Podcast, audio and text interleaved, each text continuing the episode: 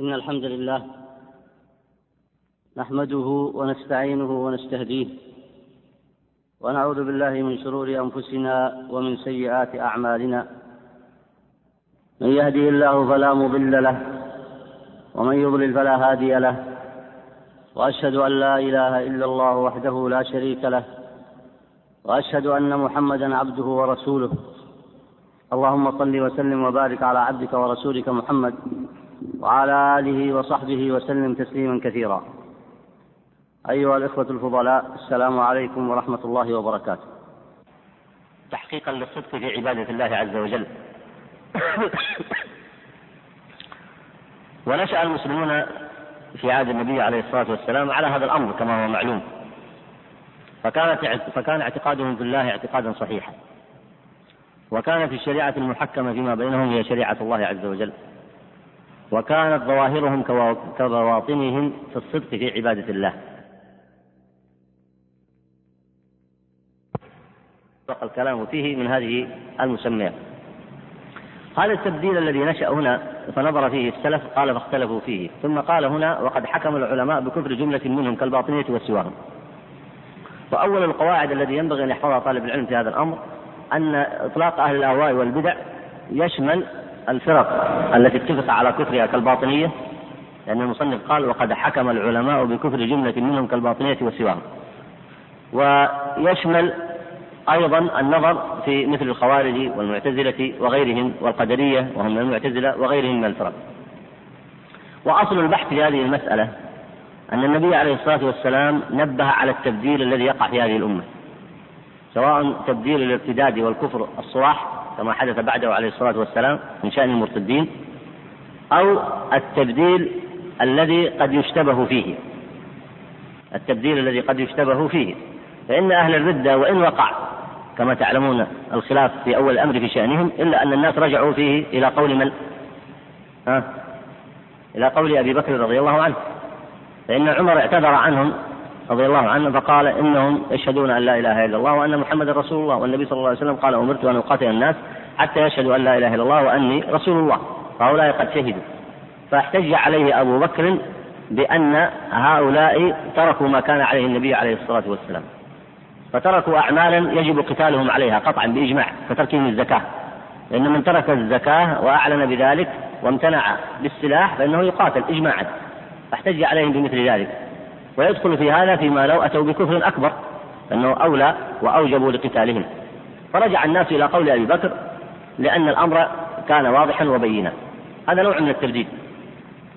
النوع الثاني من التبديل هو الذي نشأ عند الفرق وهم الذين آه، أخذوا في مخالفة ما كان عليه النبي عليه الصلاة والسلام وما كان عليه الصحابة رضوان الله عليهم. فبدلوا في الدين ومفاهيمه بدلوا في معنى الإيمان إما زيادة أو نقصا. فمنهم من أدخل في الإيمان كل شيء بحيث لو ترك شيء منه فإن صاحبه ينتقل عن الإيمان بالكلية. وهم الذين يكفرون بالمعاصي التي دون الكفر وهم الخوارج. ومنهم المرجئة أو غيرهم من المعتزلة الذين الإرجاء ذهبوا إلى أنه لا يكفر الإنسان والعياذ بالله حتى ولو أتى بالشرك الأكبر وهو المرجئة الغلاة. هذا التبديل يشوش أذهان المسلمين ويجعلهم لا يدركون حقيقة الإسلام إدراكا صحيحا. وزاد على هذا التبديل أن هؤلاء انتشروا انتشارا واسعا. وخالفوا كما هو معلوم علي بن أبي طالب رضي الله عنه. هذا الحدث الكبير حدث عنه النبي عليه الصلاة والسلام في أحاديث كثيرة. ولذلك هنا بحث ومسألة مهمة وهي أن أهل البدع لماذا جعلوهم جعلهم السلف في حكم واحد؟ وألحقوهم بأحاديث الخوارج. لأن الخوارج الذين ذكروا في الحديث هم رأس البدع ثم جاءت بعد ذلك البدع من بعدهم. فالخلاف في مسائل الإيمان عند الخوارج وتكفير الصحابة رضوان الله عليهم وأيضا من مذهب الخوارج والطعن في السنن وترك العمل بالأحاديث كل البدع التي جاءت بعد ذلك تتجانس مع هذه البدع. فبدع المعتزلة في رد كثير من الأحاديث تتشابه مع بدع الخوارج. والمعتزلة في أيضا في آه، تأويلهم للصفات يتشابه أيضا مع مذهب الخوارج في تأويل كثير من النصوص. وطعن المعتزلة في بعض الصحابة يتناسب مع مذهب الخوارج في الطعن في بعض الصحابة. وقولهم أيضا بمرتكب الكبيرة يتناسب مع قول مع قول الخوارج. وكذلك الذين خالفوا في الإيمان من جهة أخرى. هم أيضا يتناسب قولهم في البدع والعقائد المنحرفة أيضا مع مذهب الخوارج. وهكذا يعني في مسألة المنهج والتفكير وعدم تقديس النصوص وعدم متابعة النبي عليه الصلاة والسلام والوقوع في مخالفة إجماع الصحابة رضوان الله عليهم ووصول أهل السنة يتشابه هؤلاء ولذلك ألحقوا بعضهم ببعض. فتأمل قول المصنف هنا قال اختلفوا في تكفير كثير من فرقهم من الخوارج والقدرية مع أن النصوص التي جاءت إنما جاءت صريحة في الخوارج فينبغي لطالب العلم أن يتأمل هذا البحث. فإذا سئلت كيف ألحق العلماء أهل البدع كافة بالخوارج؟ فالجواب ما سمعت. أن النصوص وإن كانت جاءت في الخوارج أصلا إلا أنهم ألحقوا بهم من سواهم لأن بدعهم ترجع إلى جنس واحد وهي مخالفة أصول أهل السنة والجماعة. فاحفظ هذا الجواب. لماذا وقع الخلاف إذا في تكفيرهم عند السلف؟ أعرض عليكم جملة من ما ذكره بعض أهل العلم. وإن كان هذا الكلام يطول وسيأتي المصنف أيضا بتفصيل فيه في باب مستقل. لكن يناسب هذا الموضع أن نذكر شيئا منه في مقابل ما ذكره المصنف في هذا الباب. آه، نعرض عليكم بعض الأحاديث الواردة في هذا. طبعا المصنف هنا لاحظوا عنوانه. لماذا قال الخوف عليه من أن يكون كافرا؟ ها؟ من يذكر الجواب؟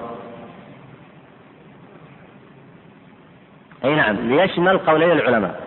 لاحظ. وهذا من بديع التصنيف. فالإمام هنا الشاطبي في تصنيفه أبدع في هذا الموضوع وفي غيره في مسائل كثيرة. فإن العلماء من العلماء المحققين الكبار اختلفوا من علماء السلف فيهم هل هم كفار أم لا؟ فوضع عنوانا ليشمل القولين. لأن كثير من المتفقهة إذا وجد الخلاف في مسألة لا يحسن الاستفادة منه. لا يحسن الاستفادة منه. وقد يضرب قولا بقول وقد آه، يبقى أمام القولين لا يحسن الاستفادة من هذا القول ولا من هذا القول.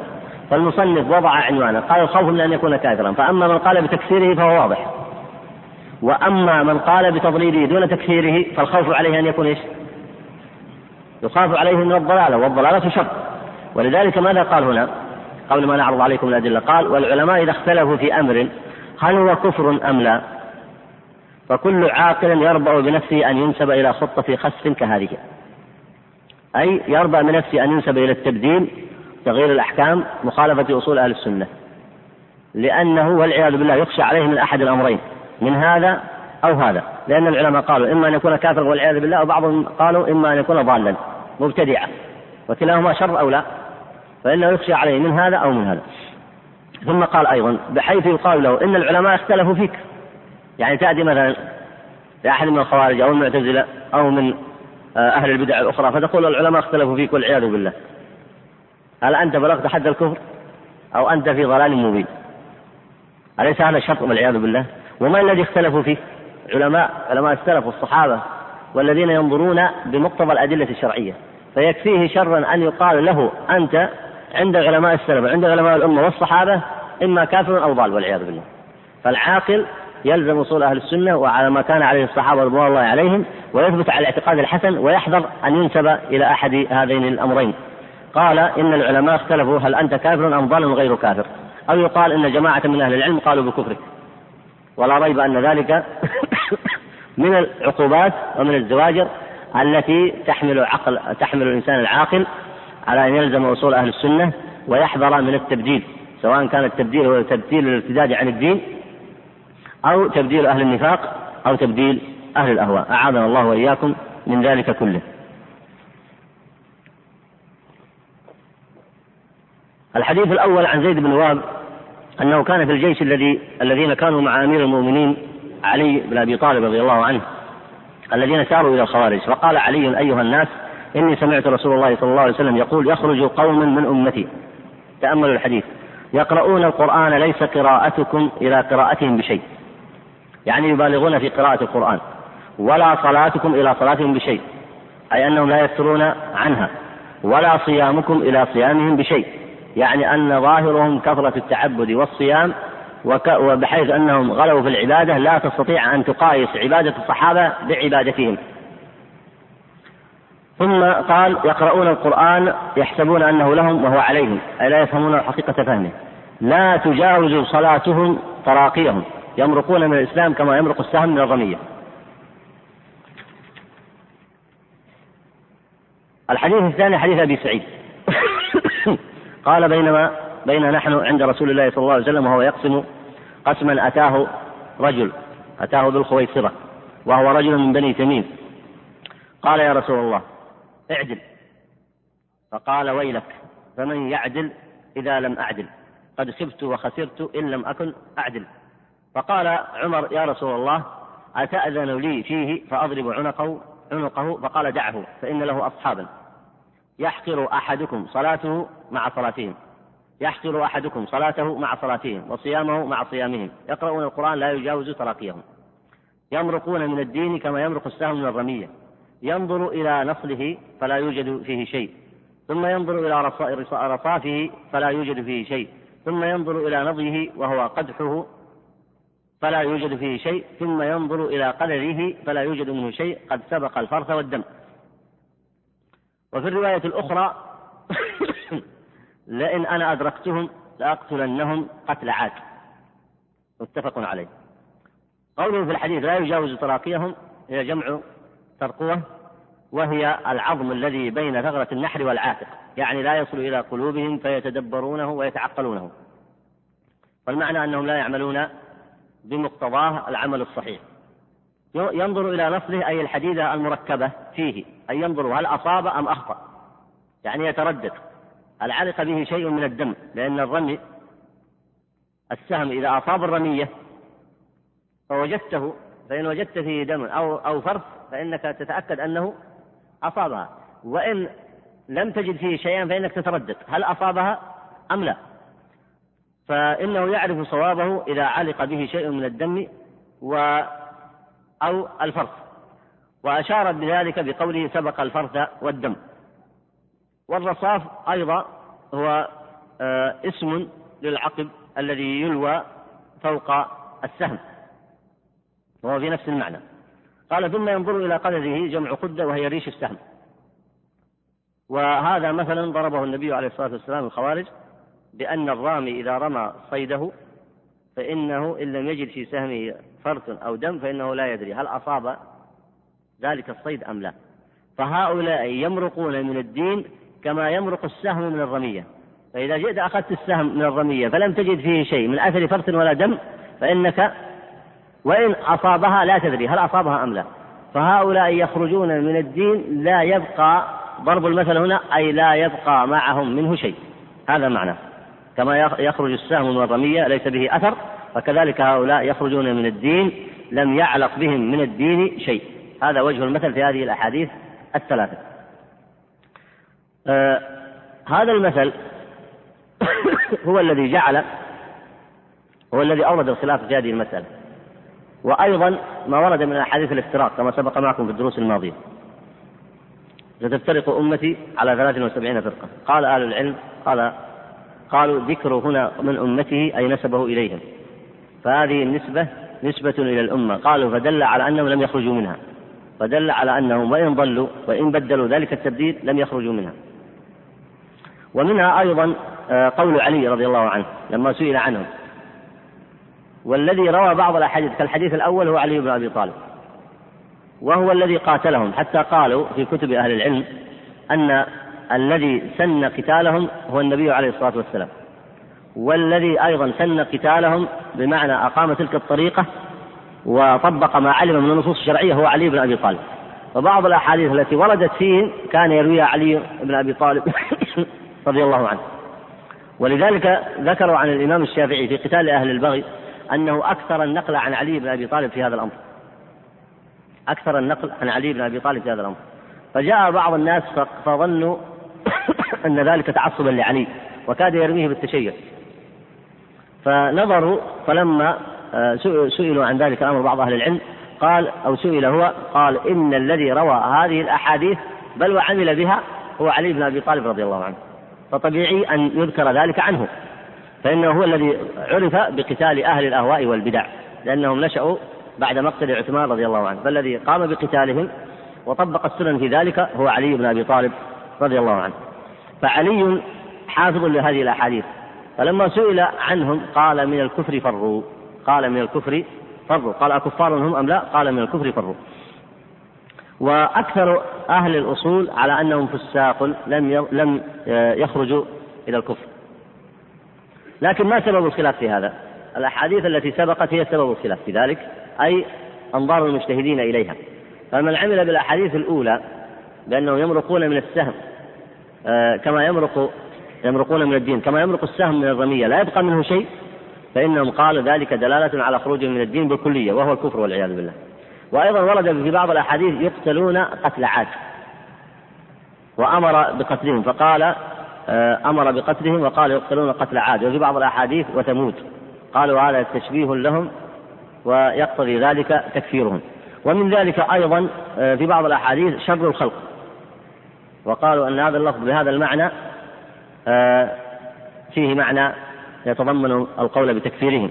وقال بذلك ابن العربي أبو بكر بن العربي من المالكية وتقي الدين السبكي والمحب الطبري وغيرهم من أهل العلم. وأيضا مما استدلوا به أن هؤلاء كفروا الصحابة. أنهم كفروا الصحابة. وقالوا تكفير الصحابة يقتضي تكذيب القرآن.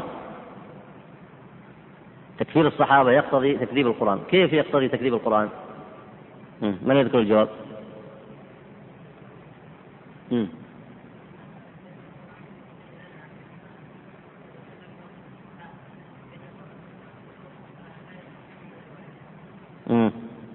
تفضل. القرآن أثنى عليهم ثناء صريحا في آيات كثيرة جدا وهذا معلوم من الدين. فمن كفرهم فقد كذب القرآن ومن كذب القرآن فقد كفر. هذه هي أدلة من قال بتكفيرهم. والأدلة الذين قالوا ليسوا بتكفيرهم وعلى ذلك أكثر أهل العلم أنهم قالوا نسبوا إلى الأمة فهم منها. وأيضا قال لما سئل عنهم علي آه، قال من الكفر فروا ولم يكفرهم. ومنهم من حاول أن يجمع بين الرأيين.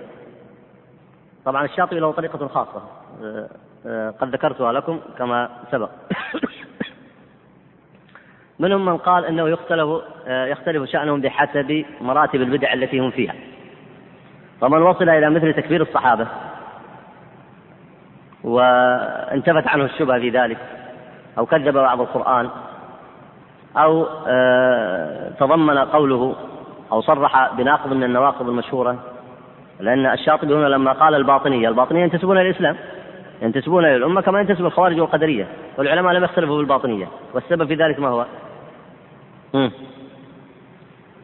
من يذكر الجواب؟ الباطنية ينتسبون إلى الإسلام كثير من فرقهم تنتسب إلى الإسلام ما الجواب؟ هم؟ أيوة ارفع صوتك إيه؟ عقيدتهم عقيدة الحلول أي أن هؤلاء فيهم اعتقاد آه، التزموا بمناط من المناطات المكفرة وناقض من المناقض المكفرة. ويقتضي شرح قول المصنف هنا تأمل معي الكتاب وقد حكم العلماء بكفر جملة منهم كالباطنية أي لم يختلفوا فيه فلاحظوا هنا أن سبب الاختلاف في الخوارج والمعتزلة وغيرهم من أهل البدع سببه هو أنهم في الجملة قد لا يظهر منهم ناقض مكفر متفق عليه. ولذلك أحيلوا بتسميتهم إلى أهل الأهواء والبدع فوقع الخلاف فيهم أما إذا كان بعض أهل الأهواء التزموا بناقض من النواقض المكفرة التي توجب الردة والكفر فإنه لم يختلف فيهم كالباطنية مثلا قال المصنف هنا وسواهم ليش قال وسواهم؟ من يذكر الجواب؟ قد وقد حكم العلماء بكفر جملة منهم كالباطنية وسواهم أي لم يختلفوا يعني ذكر الاختلاف في الخوارج والمعتزلة ولم يذكر الاختلاف في ماذا؟ في مثل من؟ في مثل الباطنية. ليش قال وسواهم؟ ها. تفضل. أحسنت. من كان من سواهم قد وقع في ناقض من النواقض المعتبرة فإنه يلحق بهم. والناقض المذكور هنا في الباطنية قال لأن مذهبهم راجع إلى مذهب الحلول القائلين بما يشبه قول النصارى. تأمل هنا. آه، الحلولية هم غلاة التصوف. يقولون إن الإنسان يصل إلى درجات من العبادة حتى يحل في الله. الناسوت هو بدن الإنسان. الناسوت هو بدن الإنسان. واللاهوت هو روح الله. فيصل إلى درجة حتى يحل هذا في هذا. تعالى الله عما يقولون. فيسير هو جزء من الإله. وهذا ذكره غلاة التصوف في كتبهم. هذا هو اعتقاد النصارى. فمثل هذا لم يختلف العلماء في القول بالكفر به. لاحظتم الآن؟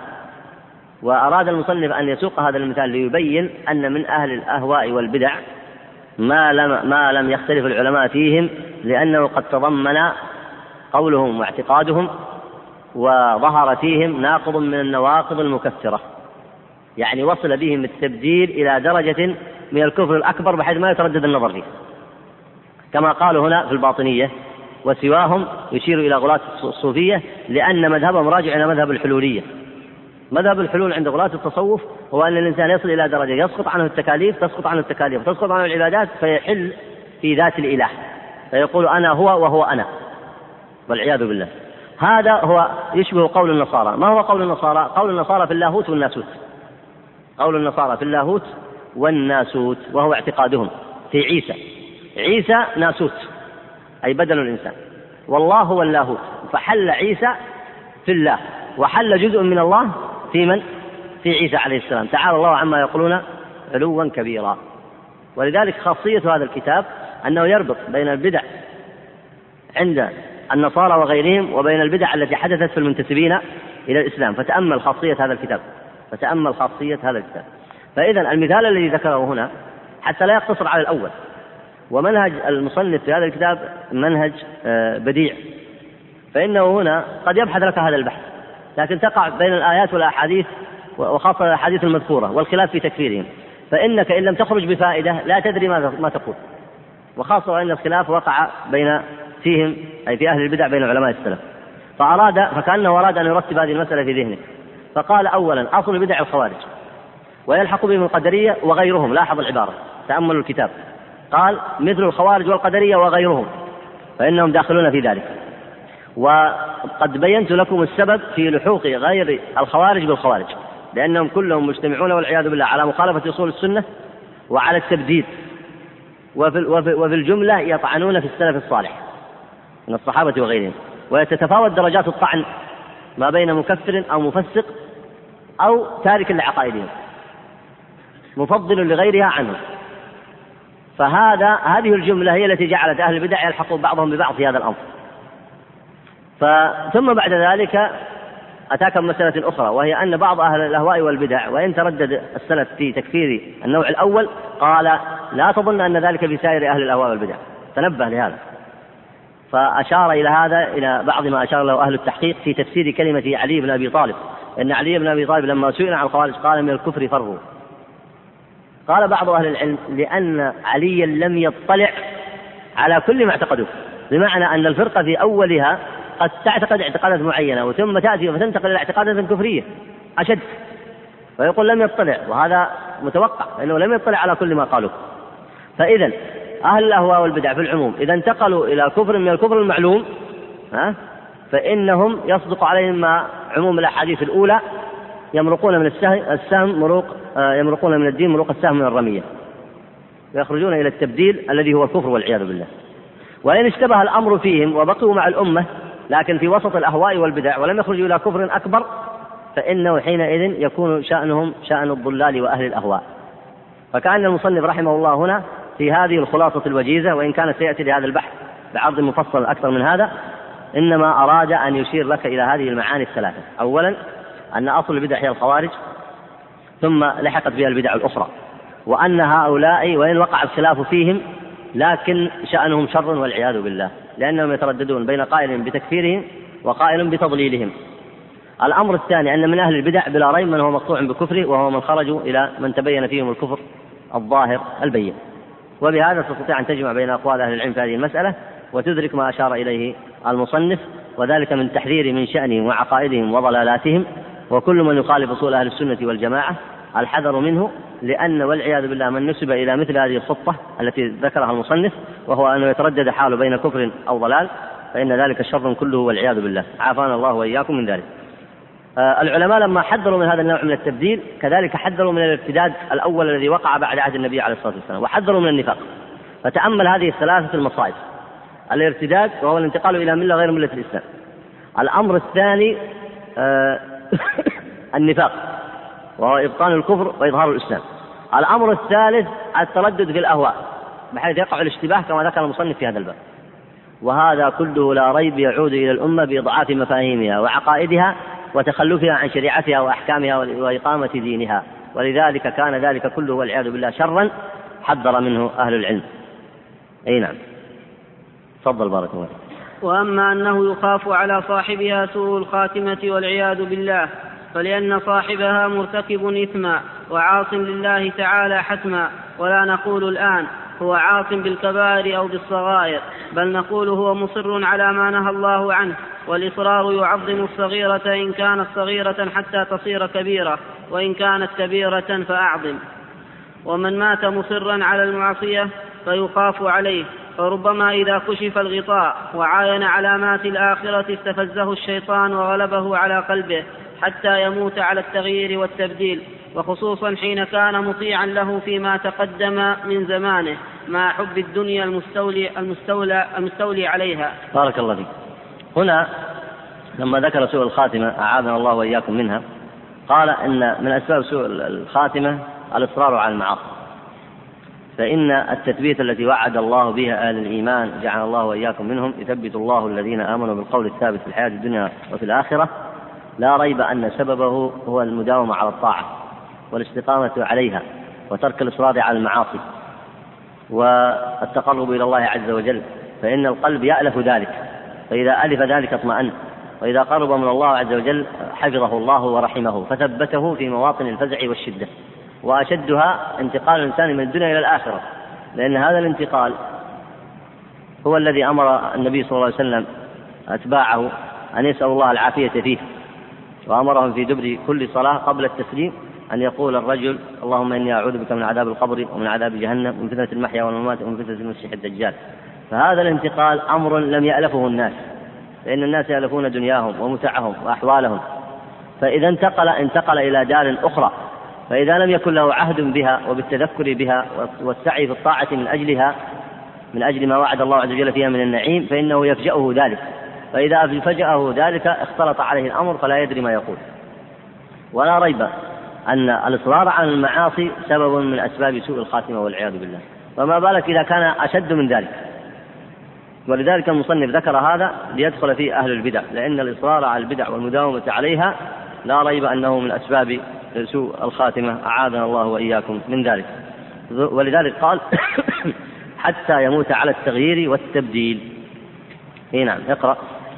قال عبد الحق الإشبيلي إن سوء الخاتمة لا يكون لمن استقام ظاهره وصلح باطنه. ما سمع بهذا قط ولا علم به والحمد لله. وإنما يكون لمن كان له فساد في العقد أو إصرار على الكبائر وإقدام على العظائم أو لمن كان مستقيما ثم تغيرت حاله وخرج عن سننه. وأخذ في طريق غير طريقه فيكون عمله ذلك سببا لسوء خاتمته وسوء عاقبته والعياذ بالله.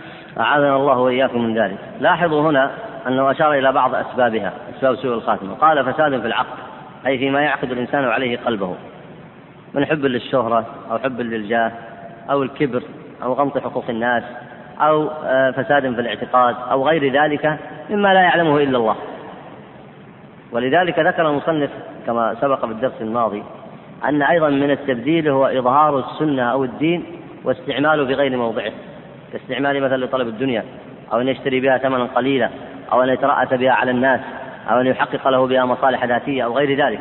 فإن الله لم ينزل العلم ولم ينزل الكتاب والسنة لهذا وإنما أنزل الكتاب والسنة سبحانه وتعالى وأمر بالعلم بها وإقامتها ابتغاء وجه الله سبحانه وتعالى. فمن استعملها في غير هذا الموضع كان ذلك ومات على ذلك والعياذ بالله مصرا على ذلك كان ذلك من أسباب سوء الخاتمة. ثم قال والإصرار على الكبائر والإقدام على العظائم وغير ذلك. وكذلك من استقام فعرف الإيمان ثم انقلب على عقبيه فتغيرت حاله ونكص على عقبيه بعد أن من الله عليه بالهداية. فلا ريب أن ذلك أيضا من سوء الخاتمة والعياذ بالله. أي نعم. قال الله تعالى إن الله لا يغير ما بقوم حتى يغيروا ما بأنفسهم. والمصنف هنا ساق هذه الآية ليبين أن التبديل الذي حدث في هذه الأمة ترتبت عليه فتن ومضار كثيرة بلا ريب. فالأمة في أول أمرها كانت ممكنة وكان اجتماعها على عقيدة واحدة والشريعة كانت فيها حاكمة والولاء فيها لله ورسوله صلى الله عليه وسلم وللمؤمنين وكانت الفتوحات الإسلامية منتشرة وكانت هذه الأمة الأمة ممكنة. فكلما دخل عليها التبديل بالثلاثة الأنواع السابقة المذكورة كلما دخل عليها التبديل أخذ من قوتها ومكنتها وإيمانها فضعفت.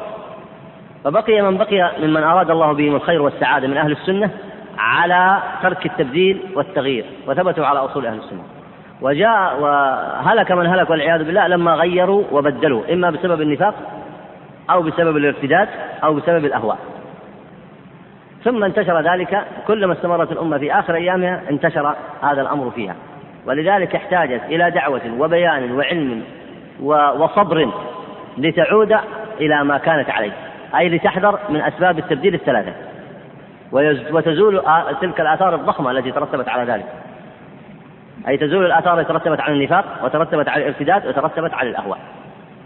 ولذلك الأمة محتاجة إلى جهد عظيم في الدعوة إلى الله عز وجل وعلى صبر طويل حتى يقضي الله أمرا كان مفعولا. وأهل السنة بلا ريب في أول عصورهم قد بذلوا وصبروا وجاهدوا. وبقدر ما بذلوا وصبروا وجاهدوا تماسك ذلك المجتمع وبقدر ما ضعفوا جاءت فترات آه، ضعف فيها أمر الدين والناس بين فترة وفترة من التمكين والضعف بحسب ما يبذلونه من الجهد وبحسب ما يبذلونه من العمل. فهذا هو مقصد المصنف من سياق هذه الآية. إن الله لا يغير ما بقوم حتى يغيروا ما بأنفسهم.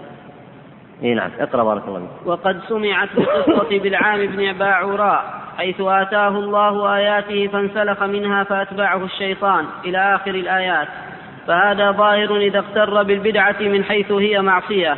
فإذا نظرنا إلى كونها بدعة فذلك أعظم لأن المبتدع مع كونه مصرا على ما نهي عنه يزيد على المصر بأنه معارض للشريعة بعقله غير مسلم لها في تحصيل أمره معتقدا في المعصية أنها طاعة حيث حسن ما قبحه الشارع وفي الطاعة أنها لا تكون طاعة إلا بضميمة نظره فهو قد قبح ما حسنه الشارع ومن كان هكذا فحقيق بالقرب من سوء الخاتمة إلا ما شاء الله.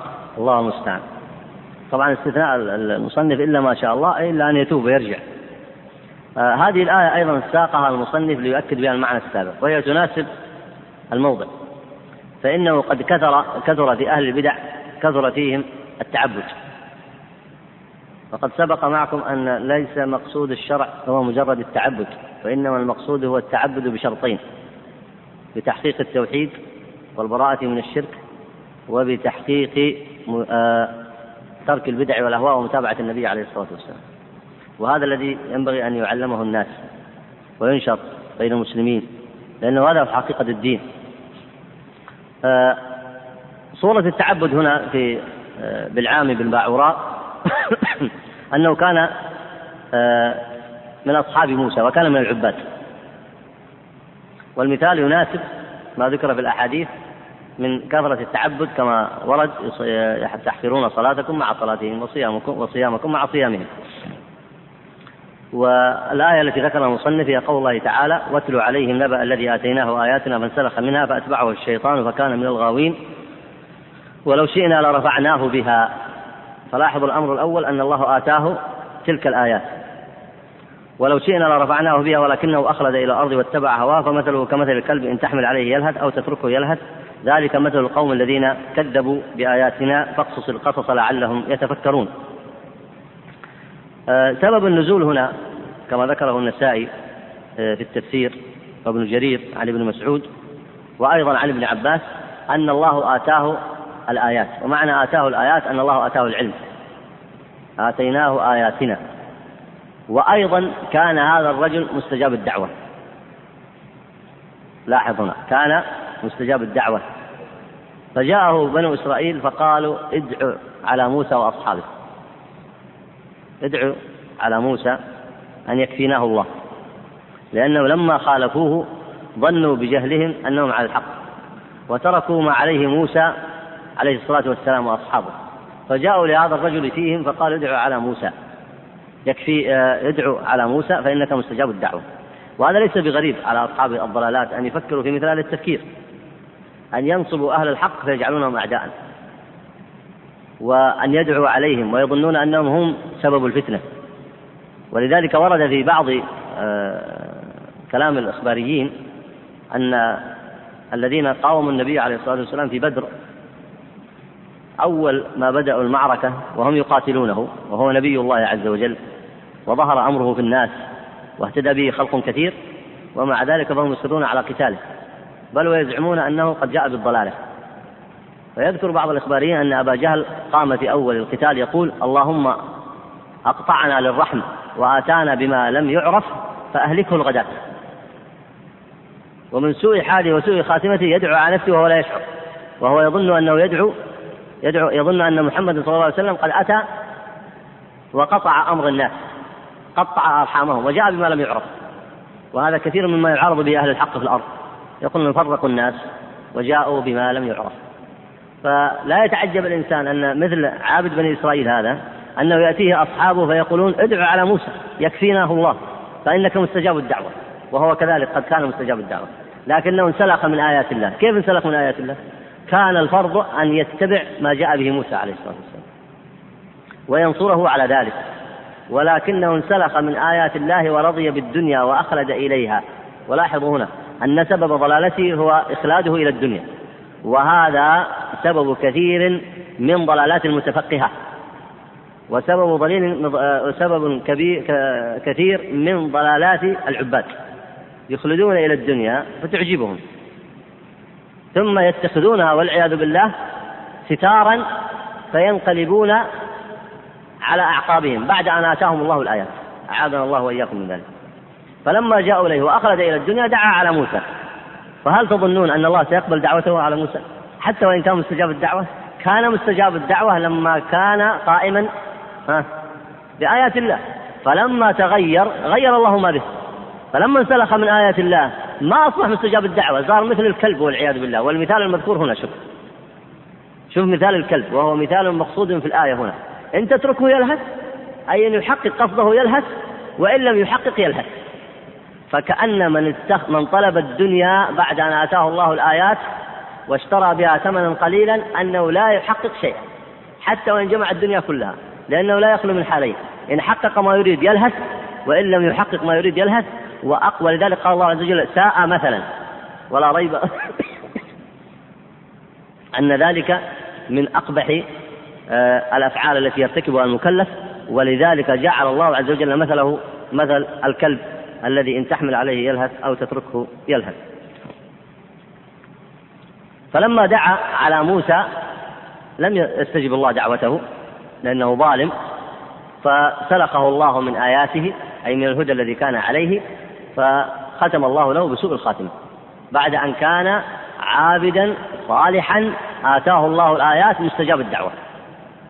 لأن العبرة إنما هي بالثبات على الحق والاستقامة عليه وترك التبديل فيه. فلما بدل بالعام بن عور... آه... آه... ابن باعوراء لما بدل بدل الله ما به. والعياذ بالله. أي نعم. وقد قال تعالى في جملة من ذم أفامنوا مكر الله فلا يأمن مكر الله إلا القوم الخاسرون.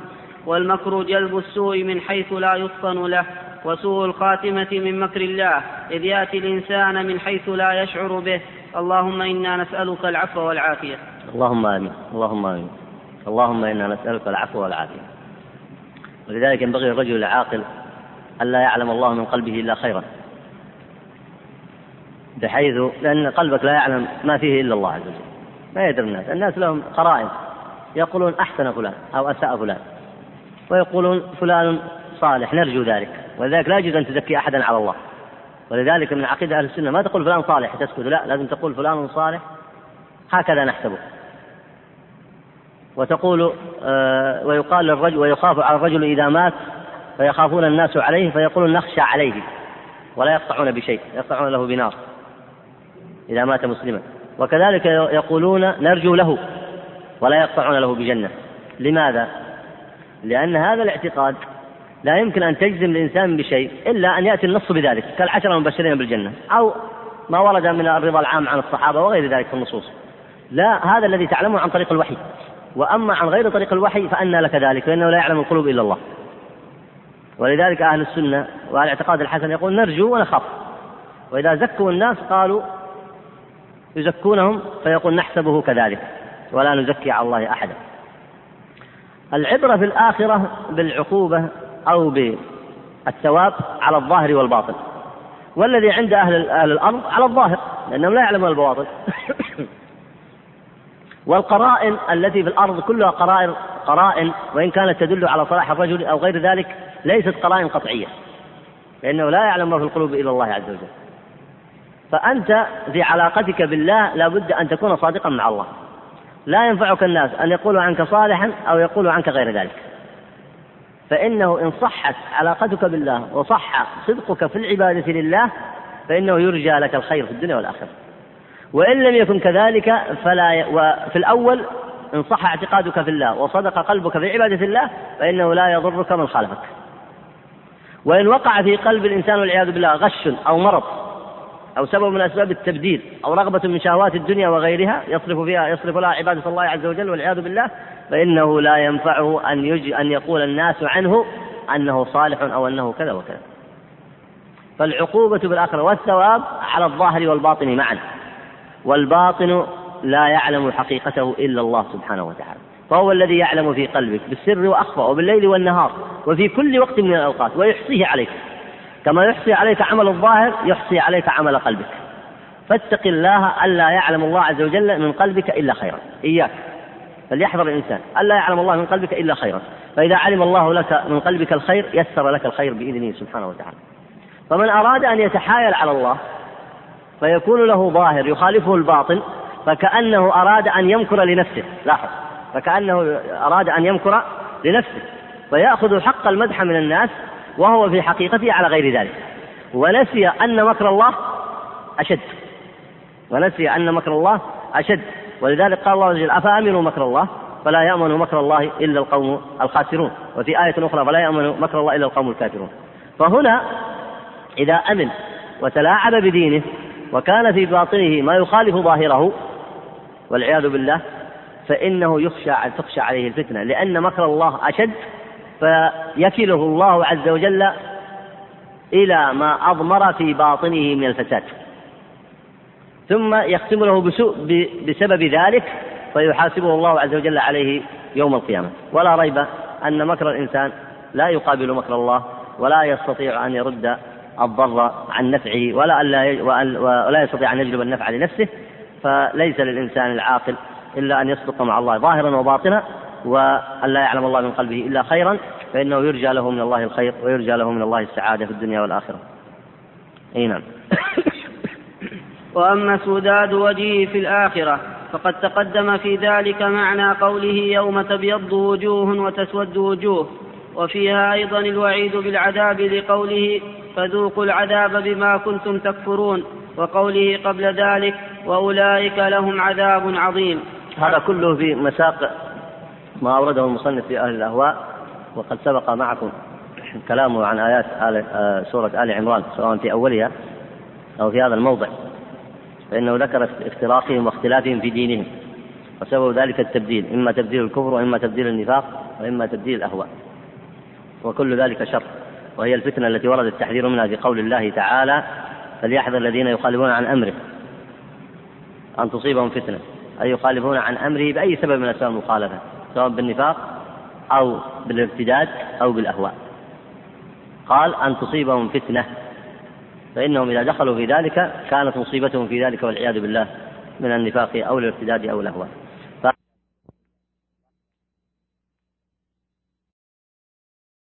ما أورده المصنف في أهل الأهواء وقد سبق معكم كلامه عن آيات آل آه، سورة آل عمران سواء في أولها أو في هذا الموضع. فإنه ذكر افتراقهم واختلافهم في دينهم وسبب ذلك التبديل إما تبديل الكفر وإما تبديل النفاق وإما تبديل الأهواء.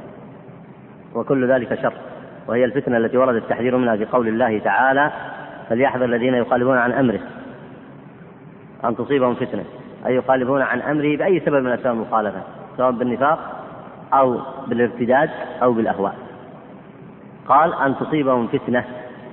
فإنهم إذا دخلوا في ذلك كانت مصيبتهم في ذلك والعياذ بالله من النفاق أو الارتداد أو الأهواء. فهذا الموضع المذكور هنا في سورة آل عمران جاء بعد ذكر الاختلاف والافتراق عن الدين. الاختلاف والافتراق عن الدين. في قول الله تعالى يوم تبيض وجوه وتسود وجوه. وسبق معكم كلام ابن عباس في تفسيرها. قال يوم تبيض وجوه أي وجوه أهل السنة. وتسود وجوه أي وجوه أهل البدع والأهواء.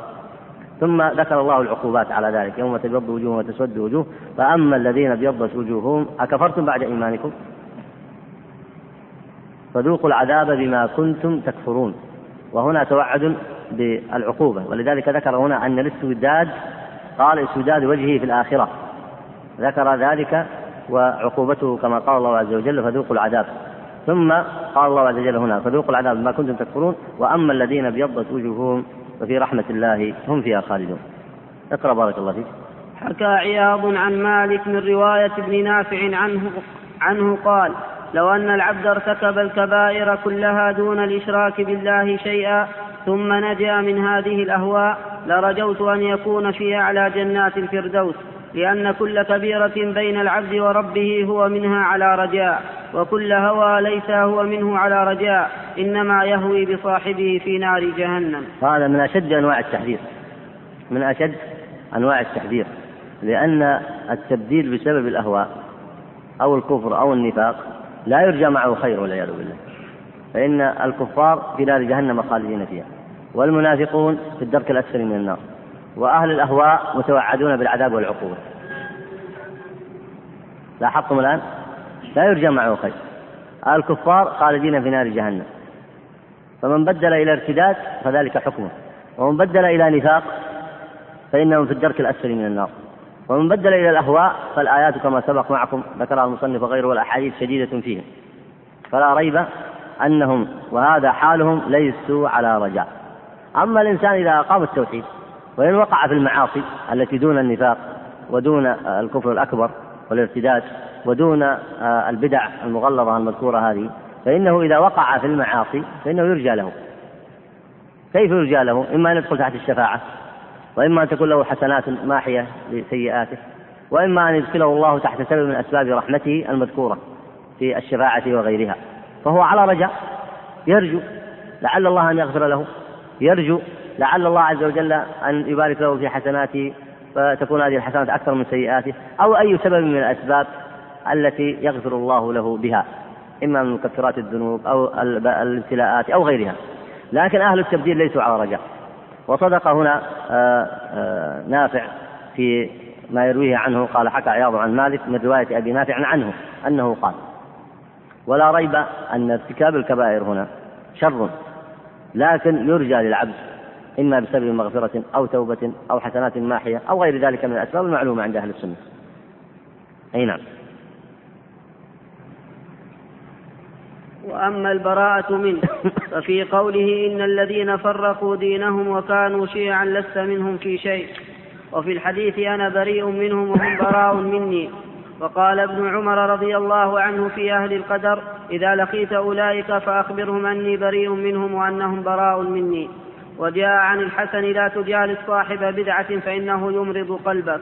وعن سفيان الثوري من جالس صاحب بدعة لم يسلم من إحدى ثلاث إما أن يكون فتنة لغيره وإما أن يقع بقلبه شيء يزل به فيدخله النار وإما أن يقول والله لا أبالي ما تكلموا به وإني واثق بنفسي فمن أمن الله طرفة عين على دينه سلبه إياه.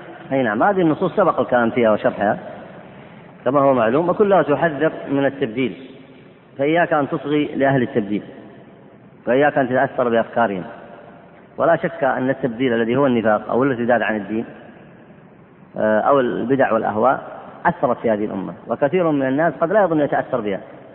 فأصبح يتأثر بها بل أصبح ينادي بها ويدعو إليها ويتعصب لها. ولذلك ينبغي أن تخشى الله عز وجل وتحذر. ينبغي الإنسان ألا يقرأ إلا ما ينفعه وألا يصاحب إلا ما ينفعه وأن يلازم أصول أهل السنة وأهلها. فالذين آه، تخطفتهم بدع المذاهب الفكرية المعاصرة في العالم الإسلامي هم من أبناء المسلمين. لكن أمنوا على أنفسهم فأخذوا يقرؤون في هذه الأفكار المنحرفة وقد كانوا آه، كثير منهم يشهد الشهادتين آه، قد كانوا كلهم يشهدون الشهادتين وكثير منهم قد يكون من أهل العبادات ومع ذلك تخطفته المذاهب المنحرفة الكفرية يمينا وشمالا وأصبح من دعاتها وأنصارها فينبغي الإنسان أن يحذر من الأهواء والأفكار المضلة. وكذلك الأهواء القديمة كالذي سبق الكلام فيها الخوارج والمعتزلة وغيرها. فكم أهلكت أناسا ممن كانوا أهل عبادة وتقوى. فينبغي الإنسان أن يحافظ على أصول أهل السنة وأن يلتزم بها وأن يحذر من الأهواء وأهلها. سبحانك اللهم وبحمدك صلى الله عليه وسلم.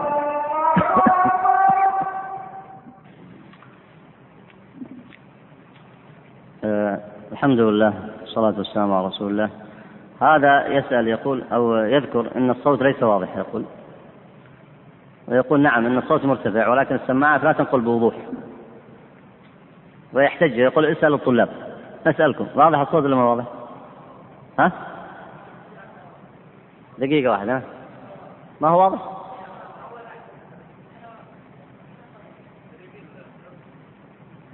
واضح هناك الصوت؟ واضح؟ شو يقول؟ واضح ولا ما واضح؟ طيب وأنتم؟ هناك في الأخير ما هو واضح ها؟ طيب وأنتم؟ ما هو واضح؟ لكن مفهوم واضح ها ما هو واضح؟ وش طيب ليش ما منكم اثنين أو ثلاثة ينسقون مع إمام المسجد يرتبون أموركم معه أنتم نعم واطية يعني؟ يزيد عدد السماعات. هو يبدو الصوت برا واضح جدا لأن الناس إذا سمعونا برا الصوت ما واضح يتعجبون. الصوت برا واضح جدا لكن هنا مع اختلاف السماعات أو تباعدها الصوت غير واضح. على أي حال هذه مسؤوليتكم أنتم. شوفوا اثنين منكم أو ثلاثة تسقون مع إمام المسجد رتبون الموضوع. أيضا منهم من يقول هنا أن لو أن الدرس يرجع بعد وقت العشاء بعد صلاة العشاء لأن وقت المغرب فيه ضيق بين المغرب والعشاء. وأيضا يقول أن كثير منا في حلقات التحفيظ لا نستطيع الحضور في هذا الوقت. على أي حال الدرس كان معلوم بعد العشاء ونقل إلى بين المغرب والعشاء فسيبقى على هذا حتى إذا أمكن بعد تأخر الوقت وكان هناك سعة بعد العشاء بحيث ما تتأخرون في آخر الليل فيمكن يرجعوا لكن الآن ما أظن. يقول هنا أن نحن بحاجة إلى دروس في أعمال القلوب ليوافق الظاهر الباطن وجزاكم الله خيرا. طيب لعل في دروس عندكم في التوعية. في مكتب التوعية بعض الدروس تحضرونها في هذا الموضوع. أو الإنسان يكثر من قراءة كتب الرقائق والتذكر والتفكر فأعمال القلوب هي التي تزيد من إيمان الإنسان وتزهده في الدنيا وتقربه إلى الآخرة. ومن أعمال القلوب الفكر فأكثر الفكر في, الخي... في, في الآخرة وما, ينط... وما وعد الله عز وجل به أهل الإيمان وما وعد الله به أهل الكفر. فتفكر كثيرا في الآخرة وتفكر في آلاء الله. فلا شك أن الفكر من هذه الأسباب التي تقوي آه، قلب المؤمن.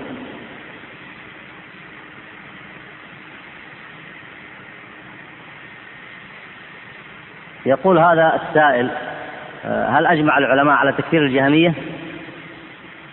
وهل هذا يشمل العامة منهم؟ أما الإجماع فالله أعلم. لكن حكى بعض أهل العلم تكفير الجهمية. أي نعم. يقول هل كل اهتمام هل كل اتهام الإمام الشافعي أو هل كان اتهام الإمام الشافعي رضي الله عنه؟ طبعا إذا ذكر رضي الله عنه عن أحد من المتأخرين بعد الصحابة فهو من باب الدعاء. وإذا ذكر رضي الله عن الصحابة فهو من باب ها من باب الإخبار لأن الله رضي عنهم. آه، يقول هل كان اتهام الإمام الشافعي رحمه الله بالتشيع آه، بسبب كثرة نقله عن الإمام علي؟ لا ليس هذا هو السبب الوحيد. وقد يكون هذا السبب غير معلوم لكن السبب أنه تعرض له بعض خصومه وهو في اليمن. تعرض له بعض خصومه وهو في اليمن فاتهموه بالتشيع.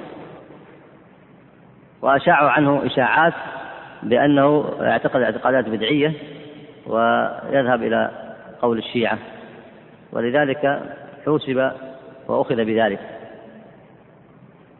لكنه تبين عدم إدانته بذلك رحمه الله وهو على عقيدة أهل السنة. طيب. هذا أيضا في موضوع الدرس. يقول كم تعلمون فإن كما تعلمون؟ كاتب كم؟ المفروض تكتب كما. كما تعلمون فإن فترة المغرب قصيرة ولا نتمكن من قطع جزء كبير من الكتاب. وفي هذه الأيام أصبح العشاء يؤذن في وقت مبكر. وأنا أقترح أن يعود الدرس مثل ما كان. على أي حال هذا يمكن أن يدرس. طيب. يقول لي ابنة تبلغ من العمر سنة ونصف ولم أقم بختانها حتى الآن. وقد عرفت إنه لا بد من ختانها ولو قليل فماذا يجب علي الآن. أما قوله فقد عرفت أنه لا بد فلا نقصد ما فلا أدري ما يقصد بقوله فقد عرفت. يعني إن كان يقصد أني قد عرفت أنها بحاجة إلى الختان فإذا عليه أن يختنها. فإن الصغيرة قد تحتاج وقد لا تحتاج. ليست ليست البنت كالذكر قد تحتاج وقد لا تحتاج. فإن احتاجت ختنها وإن لم تحتج لا يختنها.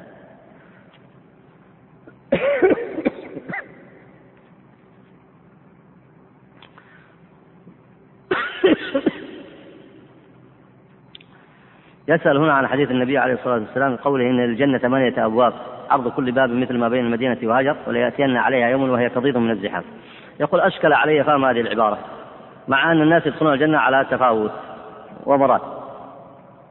هذا مقتضى سؤاله آه، لعل الجواب والله أعلم. أن ذلك من باب آه، تعظيم ترجية المؤمن فيما عند الله عز وجل. يعني أن الله عز وجل يدخل بفضله ورحمته الجنة وأنها على سعتها وعلى ما أعد الله فيها من النعيم يكثر الله عز وجل فيها من إدخال أوليائه وأهل الإسلام. نسأل الله أن يجعلنا وإياكم منهم. يقول هنا إن الإنسان يعمل المعاصي وتسجل عليه ثم يتوب منها توبة نصوحة. فهل تمحى من صحيفته وتصبح بيضاء أم أنها تظل مكتوبة ويكتب أمامها مغفورة له ولتوبته؟ نسأل الله أن يغفر لنا وأن يتولانا برحمته. أما أنها تبقى مكتوبة في صحيفته فالله أعلم. وإن كان فيما فيما يحضرني الآن أنه كما ورد في بعض الأحاديث أن الله آه، يقول للمؤمن وهو في الحساب ويذكره الله عز وجل بما فعل من كذا وكذا ثم يقول وقد غفرتها لك. أما هل تبقى مكتوبة في صحيفته أم لا؟ فالله أعلم. يقول هنا الإصرار على الصغيرة مع معرفة كونه على إثم ومعصية. هل ينطبق عليه قول المصنف؟ أما الإصرار على المعاصي كالسرقة أو الكذب أو غيرها فلا ريب أن الإصرار على المعاصي عظيم. لكن ما تنتقل إلى حد البدع المعروفة إلا بتطبيق التعريف الذي درستموه. فإن آه الذي خولفت به الشريعة على درجات منها المعاصي التي دون الكفر والتي لم يستحلها صاحبها ولم ينطبق عليها تعريف آه الابتداع الذي ذكره المصنف في هذا الكتاب. ومما عصي الله به أيضا النفاق الأصغر والأكبر وأيضا مما عصي الله به البدع والأهواء وأيضا المذاهب مذاهب الكفر من الأديان المعروفة. فينبغي أن يدرك طالب العلم ويتأمل حتى يستطيع أن يرتب المخالفات ترتيبا بحسب ما ورد في النصوص الشرعية. يقول هنا هل تنصح بمراسلة بعض أهل البدع آه ومناقشتهم أو الكتابة لهم؟ لا ريب أن الدعوة إلى الله عز وجل واجبة وعلى الإنسان أن يدعو بالحكمة والموعظة الحسنة وأن يكون عالما بما يدعو إليه. ومن استطاع أن يكتب أو يؤلف أو يرسل رسائل للدعوة إلى الله عز وجل فهذا واجب. وقد كان هذا عمل السلف. يرسلون رسائلهم إيه، ويبينون فيها ما يجب لله عز وجل من العبادة ويأمرون فيها بالبر والتقوى. وكانت رسائلهم عامة سواء لأهل الردة المشركين آه، أو كانت أيضا لأهل الأهواء والبدع. كانوا يرسلون الرسائل يبينون فيها دين الله عز وجل. وهذا معلوم. ودرج على ذلك المجددون بعد ذلك. فإن المجددين المشهورين كثير منهم كان يراسل ويبين ويكتب. فيكتبون لأهل الشرك يدعونهم إلى التوحيد ويكتبون لأهل الأهواء والبدع يدعونهم إلى السنة. هذا وصلى الله وسلم على نبينا محمد وعلى آله وصحبه أجمعين.